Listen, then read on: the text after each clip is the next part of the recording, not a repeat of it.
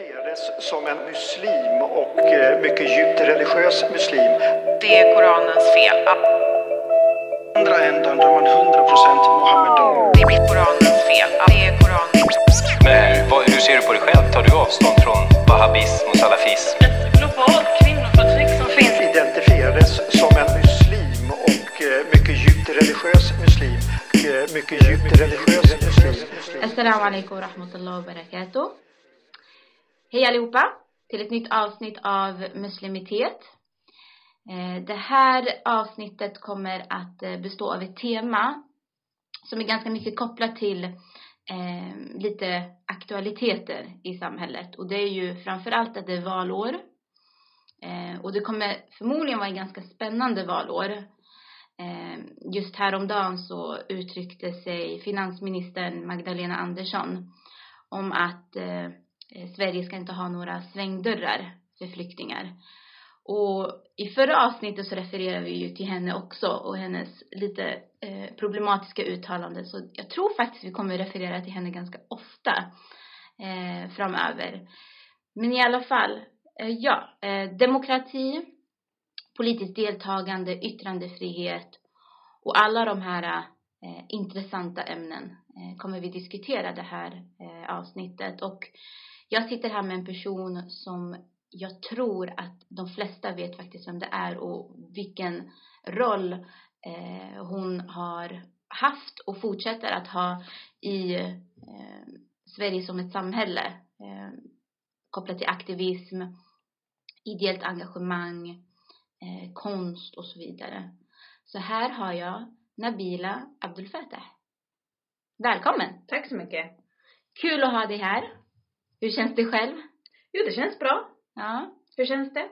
det känns faktiskt jättebra. Vi är ju på din arbetsplats nu för, ja, nu, så kan du inte berätta lite vad du gör här? Ja, ja. Eller vart vi är först och främst. Just nu så sitter vi i en musikstudio på um, Mångkulturellt centrum i Fittja. Eh, där jag eh, arbetar som projektledare bland annat med eh, eh, en verksamhet som heter Nobo som är en kulturförmedling för eh, unga och unga vuxna i norra Botkyrka. Vad kul. Så du sitter fullt upp och målar och allt det här. Ja, vi ska ha utställning 8 mars som vi bara stressar ihjäl oss inför för att eh, tidspress är tydligen en, en grej som inte vill lämna mitt liv. Men jag har faktiskt sett lite av Nabilas verk och jag tror att folk kommer bli really amazed. tack. Det tror jag verkligen. För jag blev ju det. Jag tänker att jag är inte så konstig jämfört med alla andra människor. Du tänker att du har bra smak, det är det du menar? Ja, indirekt. Nej då, men jag tänker att, eh, att eh, det är inte alltid man ser personer som målar alltså så, alltså verkligen med så mycket baktanke som du gör. Det känns som att det finns här liv och själ i det du gör på något sätt. Med tanke på att du prickar som, som en hastighet i typ 120 kilometer per timme. Men tyvärr, vi kommer inte prata så mycket om just konsten idag, utan lite mer om, om din bakgrund som aktivist. Eh, såklart kan eh, konsten ha en stor del i det. Men kan inte du berätta lite om så här, din bakgrund eh, som aktivist och som samhällsengagerad i Sverige? Ja. Egentligen så är det inte något jag fick aldrig något så här uppvaknande eh, utan det var mer att jag växte in i det. Min, eh, min pappa var politiskt engagerad redan i hemlandet i Libanon och eh, när vi kom till Sverige så var det, det var liksom de stora dagarna för oss, det var, det var Eid och första maj. Så han tog oss väldigt så här, tidigt till liksom demonstrationer och han var med i sossarna då på den tiden som sossarna fortfarande hade sharaf. Ehm, Det är typ att de var hederliga för er som inte är eh, införstådda i arabiska. Ja. Ehm, och sen så, och så började det, det där och man följde liksom så på, på nyheterna väldigt mycket vad som hände i, i Libanon. Det var ju fortfarande inbördeskrig då. Ehm, på 90-talet så eh, kom det väldigt många andra flyktingar ifrån eh, från liksom så här forna Jugoslavien eh, kriget. Så det var, jag började engagera mig i, i Röda Korset när jag var 16. Eh, med att ha så här, um, hålla i lekgrupper för barn på flyktingförläggningen. Sen bara fortsatte, alltså det har bara fortsatt. Jag har inte riktigt, Mm. ja. Liksom, det, har inte, det har inte stannat på något sätt utan det bara rullat på. Alltså det har ju gått upp och ner i perioder. Mm. Så det gör det ju för alla människor för att Ja, man inte är robot. Men ja. obviously. Nej, precis. Eh, men jag tänker, var det någon speciell händelse eller typ så här någon uppvaknande som gjorde så att du bara, men nu vill jag engagera mig? Eh, var det någonting du såg eller fick höra? Eller har det bara liksom så funnits? Det har bara funnits. Mm. Det har verkligen bara funnits. Det har varit många olika händelser. Mm. Alltså jag, jag är, ty- tyvärr är en dålig egenskap hos mig är att jag reagerar väldigt mycket på saker och ting. Så när det är någonting som, som jag märker som är så här, okej det här står inte rätt till, då, då som en reaktion så gör jag någonting för det. Men det har, det har varit så här, man har varit lite splittrad då. Ehm, men man har också hunnit med att göra mycket. Men det har ju liksom alltid funnits saker som inte står rätt till i världen. Så då, Mm. det har inte funnits brist på saker att engagera sig i, om jag säger så. Nej. För jag kan relatera till det du säger att det har liksom alltid funnits. Eh, för om jag liksom kopplar till mig själv. Jag kan inte heller komma på någon händelse eller typ någonting som jag såg som gjorde som, ja men nu vill jag börja engagera mig. Utan det känns som att man alltid har varit politisk Mm. på ett, ett och ett annat sätt i och med att, ja men som i mitt fall som en brun muslimsk kvinna så är min kropp politisk Exakt. eh, liksom det stämplat av en massa stereotyper, eh, föreställningar eh, och inte ens utifrån hur jag handlar eller verkar i den här världen utan jag är per automatik en, en stereotyp. Och det gör automatiskt så att man också blir politisk för att ja, men stereotyper är väldigt mycket kopplat till liksom så här politik och eh, ja, men hur, hur man ser på världen och sådär. Eh, men eh, Jag tror också att då att sådana som oss inte heller har haft den här stunden av ett uppvaknande, nu ska jag engagera mig. För att det, för oss har det aldrig varit ett val. Det har varit med, det kom med våran födsel. Det kom med våran flykt hit till Sverige. Det kom med vårat kön. Det kommer alltså med våra religion, alltså med allting. mm, Så att den har liksom, den har kommit automatiskt för ifall du får välja aktivism, ifall du får välja engagemang så får du också välja bort det och bara att välja bort det är ett privilegium i sig. Ja, verkligen. För det finns ju personer som, eh, och det är det jag också brukar tänka eh, i att, alltså det är ingen som kan driva på, alltså mina frågor på samma sätt, ja men det är ingen som kan driva på mina frågor på samma sätt som jag kan göra i och med att jag själv eh, går igenom till exempel islamofobi och rasism, ja ra- islamofobi är ju såklart rasism, men eh, rasism i samhället, eh, ja men eh, sexism och så vidare och så vidare. Och då kan jag inte heller förvänta mig att i och med att jag går igenom det här att någon annan ska förstå och någon annan ska driva på mina frågor. Mm. Eh, just på grund av det du säger Nabila att eh, vissa personer har faktiskt det privilegium att välja bort det. Att ena stunden så kan de vara aktivister och sen nästa dag så går de till jobbet och allting är fint och, och eh, liksom frid och fröjd. Och det är såklart jättesurt att liksom tänka på det och man blir nästan väldigt negativ av det. Alltså när man tänker att personer kan faktiskt välja bort det här samhällsengagemanget och fortfarande ha det bra. Tänker du inte ibland att det skulle vara så himla skönt att bara få vara normal? Ja. Att bara så här gå till jobbet, ha en hobby. Ja. Alltså förstår du? Exakt. Greja lite krukor. Ja. Alltså förstår du? Exakt. Åka till Mallorca på semester och bara vara normal och Ja. inte ha en åsikt och rösta var fjärde år på något parti som du tycker så här låter, ja, Ja. det funkar. Och sen bara, Ja. Och inte behöva känna som en person som så här, som en vandrande försvars eh, som bär på en massa försvarsmekanismer om, om sin egen religion och, och varför personer i en helt annan geografisk del av världen gör vissa saker och att man hela tiden måste ställas till svars för vad andra personer gör. Jag vill liksom bara representera mig själv Mm. helt Mm. enkelt. Eh, Men eh, alltså om man går tillbaka till just det här med att eh, det inte har funnits någon direkt eh, ja men någon direkt händelse eller någon speciell fråga som gjort att man är uppvaknat i det här utan att man har alltid varit politisk. Har det varit några personer som har eh, influerat dig eller som har inspirerat dig i, eh, i ditt samhällsengagemang? I Sverige? Ja, eller internationellt? Alltså det är jättemånga. Jätte, jättemånga har ju gjort det. Um, när jag var yngre var det väldigt mycket Ma- Malcolm X men också väldigt många rappare. Alltså Tupac, Ja. du vet. ehm, ja. Sen så var det också i, i Sverige så var det väldigt mycket Alexandra Pascalidou för att hon var ju typ den enda blatten man såg i TV. Mm. Ehm, och att hon kom från Rinkeby och man kunde bara känna igen sig där. Även fast man aldrig hade varit i Rinkeby så, så vet du stämningen i Mm. Rinkeby. Det är precis samma stämning som i ditt egna bostadsområde. Mm. Vad ska jag säga? Alltså det känns som att eh, det, ehm, just de här hjältarna som man har haft, eller förebilderna, har ju va, varit på gott och ont väldigt mycket am, amerikaniserade. Ja. Att man inte har på något sätt hittat hjältar i sina i sina egna områden eller i sina så men det Ja, men helt rätt. Jo, men jag kan också relatera till det, just det här att det var personer som bedrev vissa frågor i en annan del utav världen Mm. som man inspirerades mycket av.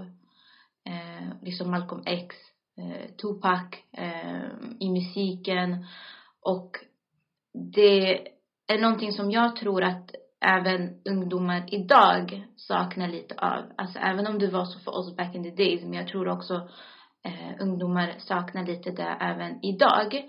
Men att fler ändå, eh, men de har ändå fler valmöjligheter, alltså än vad vi hade. Och de Mm. kan eh, inspireras till fler personer än vad vi kanske kunde göra.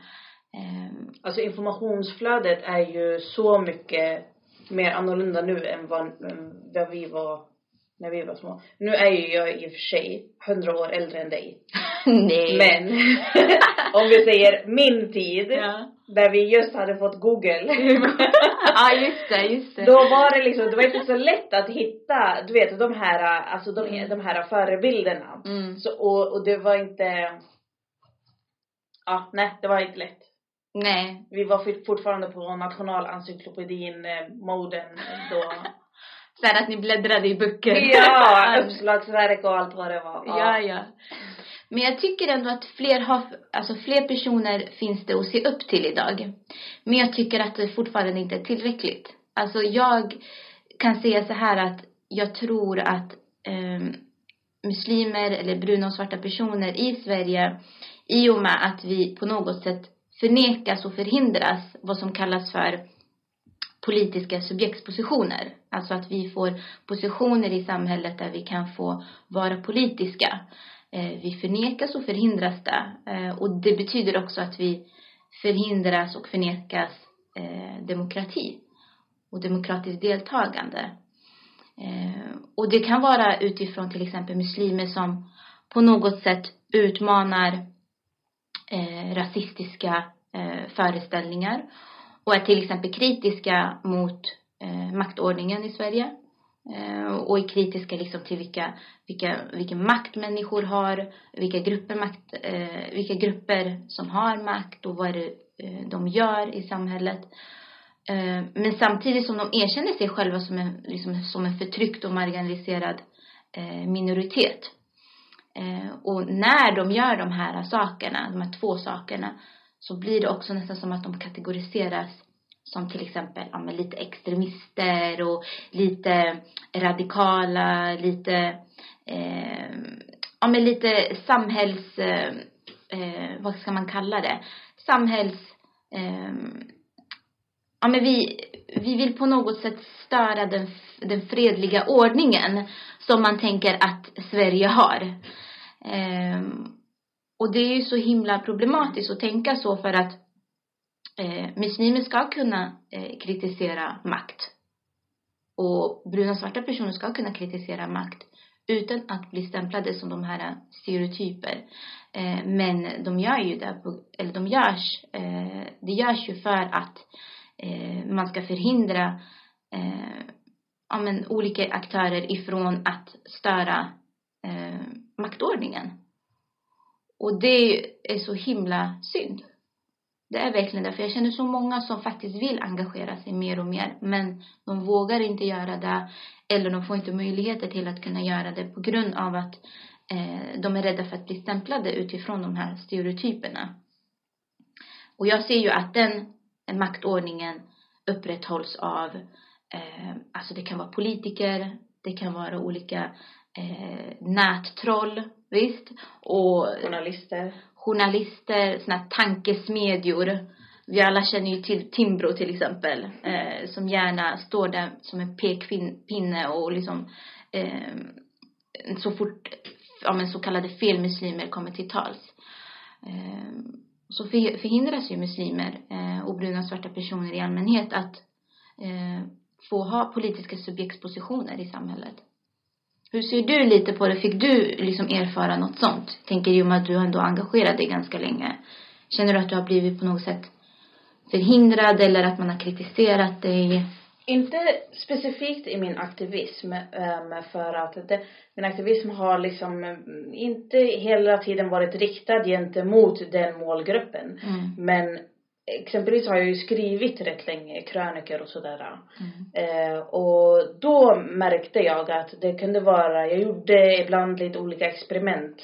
Mm. Man blir lite uttråkad efter att man Ja. har skrivit i flera år. Såklart. Eh, i att så här, okej ifall jag skriver om det här ämnet som är totalt ofarligt eller om jag skriver som den här vita manliga eh, eh, journalisten har skrivit innan eller ifall jag pratar om det här ämnet eh, vad, vad blir reaktionerna? Och jag märkte efter ett tag att så här, att det spelade ingen som helst roll. Mm. Eh, vad jag än skrev om så var jag eh, en viss slags person Ja. och skulle sättas på plats just för att jag såg ut som jag gjorde, för att jag kom ifrån det området jag kom ifrån, för att jag hade den religionen jag hade.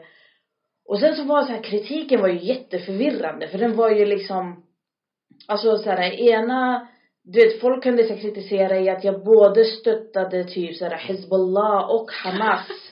Man bara, fast de är ju inte kompisar. Du, alltså förstår du? Och sen så var jag också på det kommunist och man bara, fast de det är inte, alltså du vet man bara, men hur mycket ska ni sätta på mig? Ja. Alltså, förstår du? Ja, jag kände mig som en så här extremist kinderägg Ja. ett tag. Det var så här tre överraskningar i ett och samma ägg. Ja men exakt, jag har exakt samma erfarenheter. När jag startade till exempel eh, i min aktivism började jag med att starta en studiecirkel tillsammans med några andra som vi kallar för Modmakten. Så extremt av dig att starta en studiecirkel i men Sverige. Exakt. Det är ju, vi, vi träffades ju, eh, diskuterade om rasism. För att det var ju en, en separatistisk studiecirkel för personer som utsätts för rasism. Så vi träffades, eh, hade samtal om rasism, sexism, eh, vi hade samtal om, eh, vi hade, deltog i ett panelsamtal som vi själva anordnade under den internationella kvinnodagen.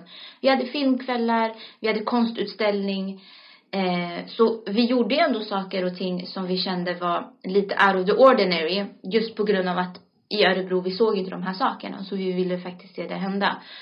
Eh, så kommer jag ihåg att när vi blev intervjuade av radion. Vi nämnde inte ens att vi var en radikal studiecirkel. Och jag ser inte det som någonting negativt i min mening att vara radikal. Men i, i eh, personer som upprätthåller maktordningen blir det såklart negativt om man är radikal. Men tycker du själv att du är radikal? Alltså jag, jag tycker att jag, jag jobbar, jag jobbar för, för frihet. Jag jobbar för rättigheter. Jag jobbar för olika mänskliga värden. Det är liksom det jag uttryckligen säger. Men på något sätt blir det ändå att man blir stämplad, som du säger med de här negativa föreställningarna. Som då är till exempel radikal, extrem. För det var det som hände när vi blev intervjuade i den här radion. Vi pratade inte ens ett dugg om att vi var en radikal studiecirkel. Vi pratade om vad vi gjorde. Som, ja, men hålla eh, samtal, föreläsningar, bokcirkel och allt det här. Och sen när de publicerade ra- i radion, eh, på deras hemsida. Så beskriver de oss som en radikal studiecirkel. Det var typ titeln för vår, eh, för vår eh, reportage. En radikal studiecirkel startas i Örebro. Och jag tänker ju att när har vi någonsin sagt att vi är radikala? Men det är ju det, det blir ju den uppfattningen för att vi pratar om rasism, Mm. vi pratar om strukturer och system och helt plötsligt blir vi ju då de här, eh, ja men lite läskiga typerna som träder fram från eh, typ skogen och ska, inte skogen, från bergen, ja, öknen, de här orientala föreställningarna och vill, eh, och vill störa ordningen i samhället. Så det, så det är någonting som jag tidigt fick erfara. Och jag var liksom 21 år, hade aldrig någonsin fått höra de här eh, eh, nidbilderna eh, riktade mot mig i den åldern och under den här tiden. Men nu känns det allt mer vanligt nu när man är partipolitiskt engagerad och när man eh, har suttit i styrelser och, och eh, hållit i demonstrationer. Nu känns det som en vardag för mig att få de här stämplarna. Jo, fast håller du med om dem? För jag tycker att så här, personligen för mig, Mm. har jag alltid tänkt att jag är så jävla mellanmjölk. Ja. Jag tycker inte alls att jag är radikal med det Nej. jag har eh, gjort offentligt. Privat kanske, men det är inte någonting som jag Nej. skulle så, propagera för. Men annars så tycker jag att jag är så, jag är så, jag är så mes. Ja. Och så bara, kan du fatta att rasism, eller att prata om rasism är mer radikalt än rasismen i sig. Ja, men exakt. Det blir mer radikalt av att, av att prata om det som du säger än att faktiskt eh, se rasism som en, men som ett samhällsfenomen. Att Mm. det skulle vara problematiskt och radikalt och att det här ska inte existera i ett så kallat demokratiskt samhälle. Eh, men det är ju det om man går tillbaka till personer som prat, faktiskt pratar om islamofobi och pratar om eh, olika strukturella fenomen och så vidare. De ses oftast som radikala, extrema typer. Men man borde rikta fokuset på faktiskt vad de utsätts för. Och på vilket sätt de blir marginaliserade i samhället. Och på vilket sätt de förhindrar sina grundläggande rättigheter. Mm. Det borde om någonting vara fokus. Inte faktiskt att vi pratar om det här. Men folk upplever ju det som lite, eh, lite obekvämt. Har du följt diskussionen om Bilan Osman? Nu när Mm. hon har börjat på Svenska Dagbladet. Ja, jag har sett att Att Det folk har lite- börjat, ja. ramaskri, ja. Det kortfattat var det så här att Bilan Osman som är journalist och jobbar på Expo, typ den svenskaste antirasismorganisationen i Sverige. Ja. Alltså de är så neutrala. Mm. Ehm, det är inte sagt att de är dåliga utan att de är väldigt, det är en väldigt svensk organisation.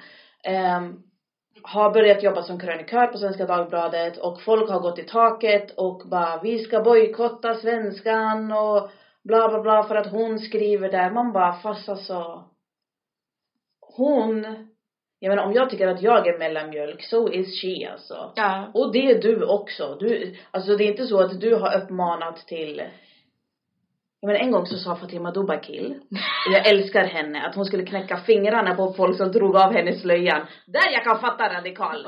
Men, men allt det andra, allt det andra är så här. alltså det var Gud! men vi är såna töntar! Men jag tror inte det handlar så mycket om hur vi ser oss själva som. Utan Nej. det handlar om hur vi uppfattas Hur, ja som i samhället. Och som sagt, som vi tidigare nämnt, när man på något sätt vill problematisera den rådande maktordningen, då blir man oavsett vad sedd som, eh, som sagt, det här extrema, radikala, störa ordningen och så vidare. Men det jag också tycker är intressant är personer, eh, till exempel muslimer, som använder sig av problemformuleringar som används av den rådande maktordningen. När de gör det, när de kanske pratar lite om sexism, lite om rasism, men fortfarande inom den här ramen av vad som är okej att prata om, då framställs de som goda muslimer Ja. som progressiva muslimer. Mm. Alltså på tal om det här good muslim, bad muslim perspektivet. Och jag blir helt så här, hur, hur kan ni sätta de här uppdelningarna på oss muslimer när vi egentligen pratar om rasism? Eh, men det är ju det att vi pratar både om rasism fast ena gruppen gör det på ett sätt som faktiskt skapar förändring i samhället och den andra gruppen gör det på ett sätt som fortfarande är fortfarande lite här normativt och lite systemenligt och så vidare som inte stör maktordningen allt för mycket. För det jag tror är att personer som har privilegier i eh, och besitter makt till exempel media, politik och eh, ja men på något sätt i de här institutionerna i samhället de de flesta tror jag vill eh, vill att människor ska eh, ha sina rättigheter. Ja, men det är klart. Människor ska kunna ha yttrandefrihet och kunna få leva i en demokrati. Men det ska inte ske på bekostnad av deras egna maktpositioner. Nej. De ska fortfarande ha makt. Men det, och de ska fortfarande kunna få styra och ställa och diktera vad som är eh, sant och inte sant och vad som är rätt och inte rätt.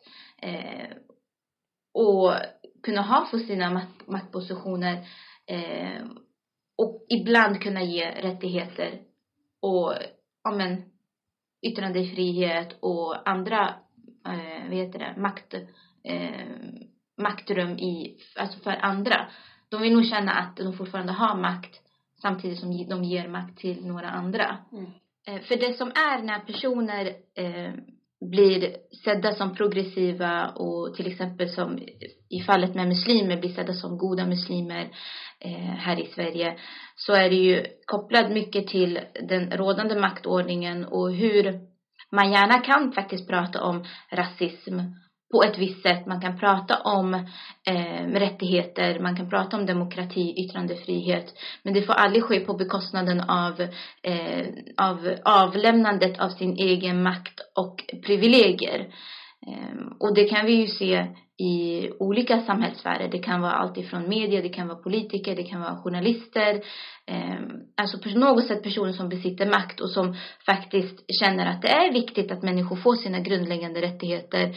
Men jag ska kunna få eh, uttrycka mig precis på samma sätt som jag gör och jag ska kunna få ha samma eh, eh, maktförhållanden i samhället eh, Eh, och det får inte tas ifrån mig. Men jag tror fortfarande att andra eh, ska få sina demo, eh, demokratirättigheter eh, som alla andra.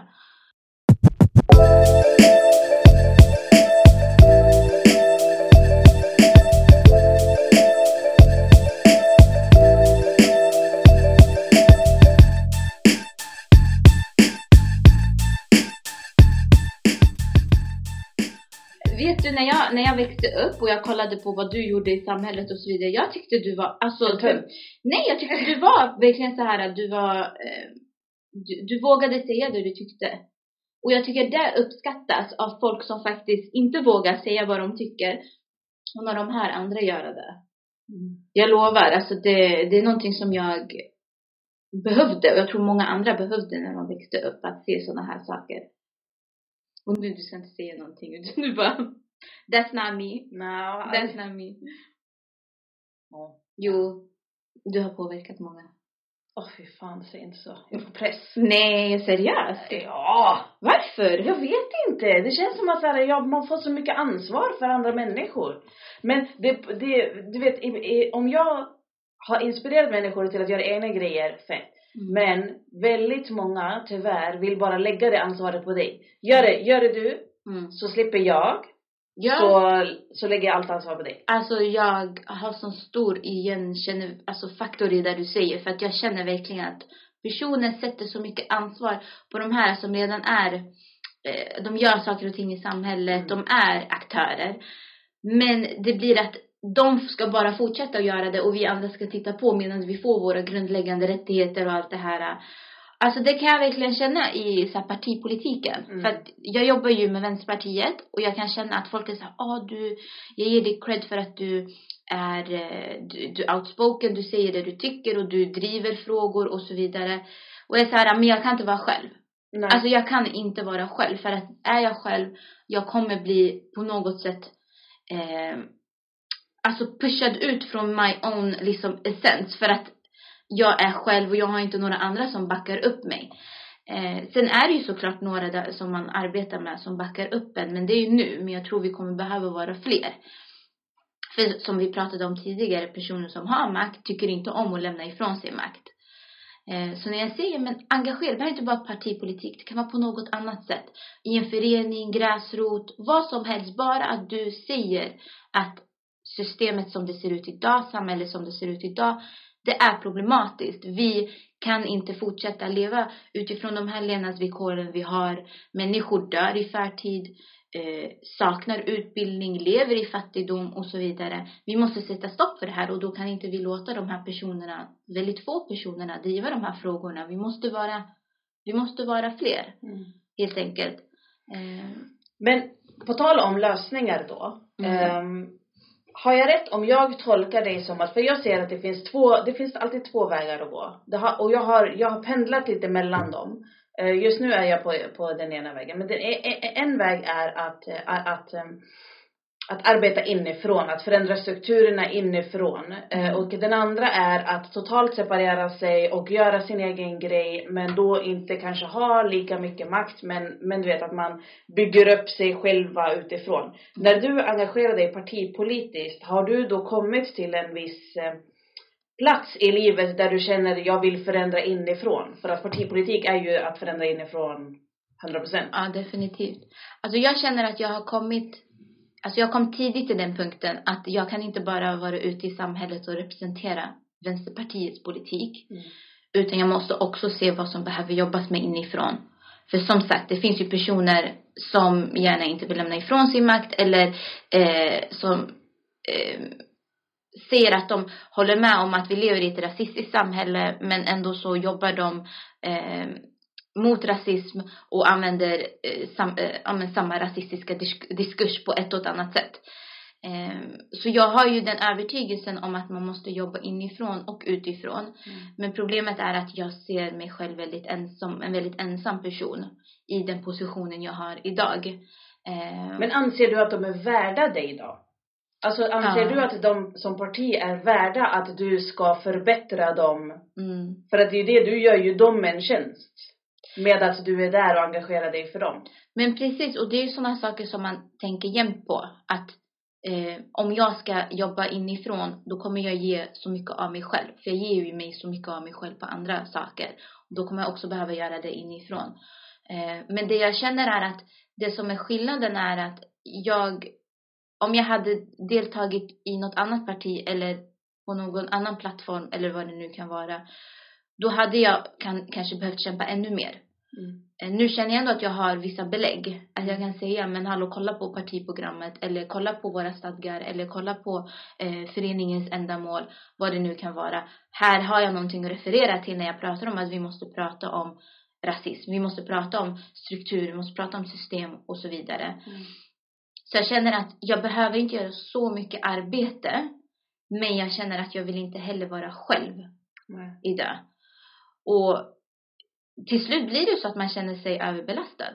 Alltså att man känner att det är så mycket att ta tag i för att det är både inifrån och utifrån. Och då kanske man till slut ger upp. Tänker, men vad då? jag kan lika gärna fortsätta jobba som lärare, eh, skaffa en familj, ha några barn som jag kan liksom eh, få dem och också se hur det här samhället ser ut och uppmuntra dem till att vara goda människor och så vidare. Eh, och sen läsa mina böcker, sen chalas. Alltså jag behöver inte göra någonting mer av det. Men det känns som att man sviker. Nå, ja, någon där ute, jag vet inte. Det känns som att man sviker någon om man ger upp. På något sätt. Men samtidigt förstår jag personer som ger upp. Eh, och det mycket har så också mynnat ut i att folk har sagt till mig att men Nadja, bara anpassa dig. Anpassa dig till liksom till ja, men strömmen. Eh, ifall, ifall du nu är en, en, eh, en debattör, och en aktivist och fritidspolitiker och allt det här alltså, som, som har enligt folket väldigt radikala idéer och sätt att se på samhället. Eh, tona ner det lite. Alltså, och då blir det nästan som att de pratar i någon form av att man ska sen modernisera sig, man ska reformera sig. Och jag känner att det är ju en ganska, det är ju en, en ganska kolonial lo- logik. Att man ser det som att eh, Du ska gå från mellanmjölk till lättmjölk. Det är det de vill. Exakt. Men jag tycker ju ungefär att det är så, för jag känner att, för jag har en, eh, det är en person som jag ser väldigt mycket upp till, jag refererar till honom i annat avsnitt, han heter Hatem Bazian. Och han är ju en, en sån här dekolonial tänkare och han har ju beskrivit att islam och muslim, eh, det måste förstås utifrån, alltså vad som utgör en, en kolonial sätt att se på eh, ja, men läran om kunskap och vetandet om olika så här, fenomen i samhället. Och eh, när jag till exempel säger en kolonial logik eller koloniala idéföreställningar, då menar jag ju inte, nu pratar jag ju inte bara om eh, kolonialismen i form av det som var den fysiska erövringen av platser, människor, resurser, utan jag pratar också om eh, idéföreställningar, eh, idéproduktioner som skapades eh, om vad som är underordning och överordning. Till exempel eh, om vilka personer som är civiliserade, vilka personer som är i behov av civilisering, vilka personer som är moderna, vilka personer som inte är moderna och vilka som är progressiva och som inte är det och så vidare och så vidare. Och det användes ju för att man ska på något sätt legitimera eh, kolonialiseringen men också för att man ska under och efter kolonialiseringen upprätthålla den här maktdominansen. Så när jag pratar om koloniala idéer och så vidare, det är ju det här jag hänvisar till. Att de här idéföreställningarna och idéproduktionerna existerar ju fortfarande. Och det har ju på något sätt naturaliserat att alla, allt sätt att se på kunskap och vetande är ju kopplat till väst. Så även det här som är eh, modernisering och modernism, det är ju ett samhällsfenomen som kopplas då till eh, det västerländska eh, påfundet och det som är då processen i det. Och det som jag då menade när jag säger att personer tycker att jag borde, eh, jag och likaså med andra eh, muslimer som eh, problematiserar eh, maktförhållanden. Eh, det blir mycket i den här diskussionen att vi behöver eh, Eh, reformera oss, vi behöver modernisera oss själva och anpassa oss till rådande maktstrukturer för att det som är är att det som är muslimitet har blivit väst motpol. Eh, vi blir motsatsen till vad väst är och skillnaden till vad väst är. Ehm, och därför blir det lätt hänt att vi som då kategoriseras inom det här muslimitet, eh, vi ses som eh, icke-moderna, icke-progressiva och behöver eh, modernisera oss själva. Och det får jag höra ganska mycket i, liksom riktat till mig själv eh, och mycket också riktat till andra muslimer i olika politiska sammanhang. Likaså andra bruna och svarta personer. Eh, och det är ju för att våra eh, vårt sätt att se på demokrati, vårt sätt att se på rättigheter, vårt sätt att se på olika mänskliga värden fortfarande inrymmer i, eh, i, den, i den ramen som eh, inte är ens i närheten av hur västerlänningar pratar om demokrati och rättigheter och olika mänskliga värden. Det blir på något sätt som att när vi pratar om demokrati så pratar vi egentligen inte om demokrati för vi har typ som en, hur ska man säga, vi har en, en dold agenda för vad det är vi egentligen eh, vill driva på i samhället. Eh, och det går ju tillbaka till det vi pratade om tidigare, det här med att eh, även om man skulle prata om, om rättigheter, om att alla människor förtjänar rättigheter, det blir nästan som, men vad menar Nabila egentligen? Mm. vad menar Nadia egentligen? Vad är det de egentligen vill driva på i samhället? Och då blir det nästan som att islamism är vad vi vill driva på i samhället. Fast vi har inte ens nämnt det. Vi har inte ens associerat oss själva med det. Men det blir att muslimitet associeras med det.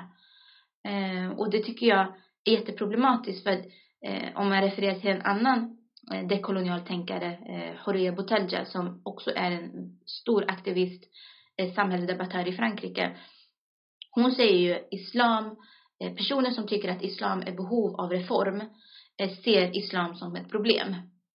Eh, och det är ganska intressant när muslimer använder sig utav den retoriken att islam är i behov av reform och fortfarande kallar de sig själva för muslimer och associerar sig själva med islam. Och när man ut, uttrycker sig på det sättet så blir det att man placerar väst som en eh, som en, eh, en stående epitet. Eh, allt vi vill är att bli som väst. Eh, och jag menar ju inte i någon mening som helst att vi ska eh, vi ska eh, förändra att vi ska islamisera Sverige eller att Sverige eh, ska reformera oss. Utan det jag menar är att vi måste hitta eh, en annan övertygelse. Vi måste hitta en annan övertygelse än det som eh, kolonialismen har satt som effekter på hur vi ser på världen. Och det är att vi ska inte referera till någon eller något som, eh, som makten. makten. Makten ska besitta hos vem? Hos folket. Mm. Och det tror jag verkligen är lösningen. Eh, att vi måste förändra vårt sätt att se på oss själva och samhället. Att det finns ingen som ska på något sätt sätta sig över oss. Fast bara det är ju en radikal idé när det kommer ifrån människor som inte besitter makten idag. Ja. För att då rubbar du status quo liksom. Mm. Men verkligen. Och det går tillbaka till om, om det är inte bara jag som säger det och inte bara du som säger det, om vi är fler som säger det, Mm. då kanske det ger någon verkan. För om vi är fler som börjar märka men, och börjar uttrycka oss som att nej men eh, samhällsordningen är inte okej. Mm. Det är inte okej att det finns en överordning, underordning. Då kanske någonting börjar hända. Mm. Eh, men om det är fortfarande samma normativa systemenliga personer eh, som uttrycker sig i radio, media, eh, böcker, politiken och så vidare eh, och inte på något sätt förändrar systemet och grunden i sig så kommer vi fortfarande ha samma, eh, samma fattigdom, samma eh, eh arbetslöshet, eh, samma olika levnadsvillkor och så vidare.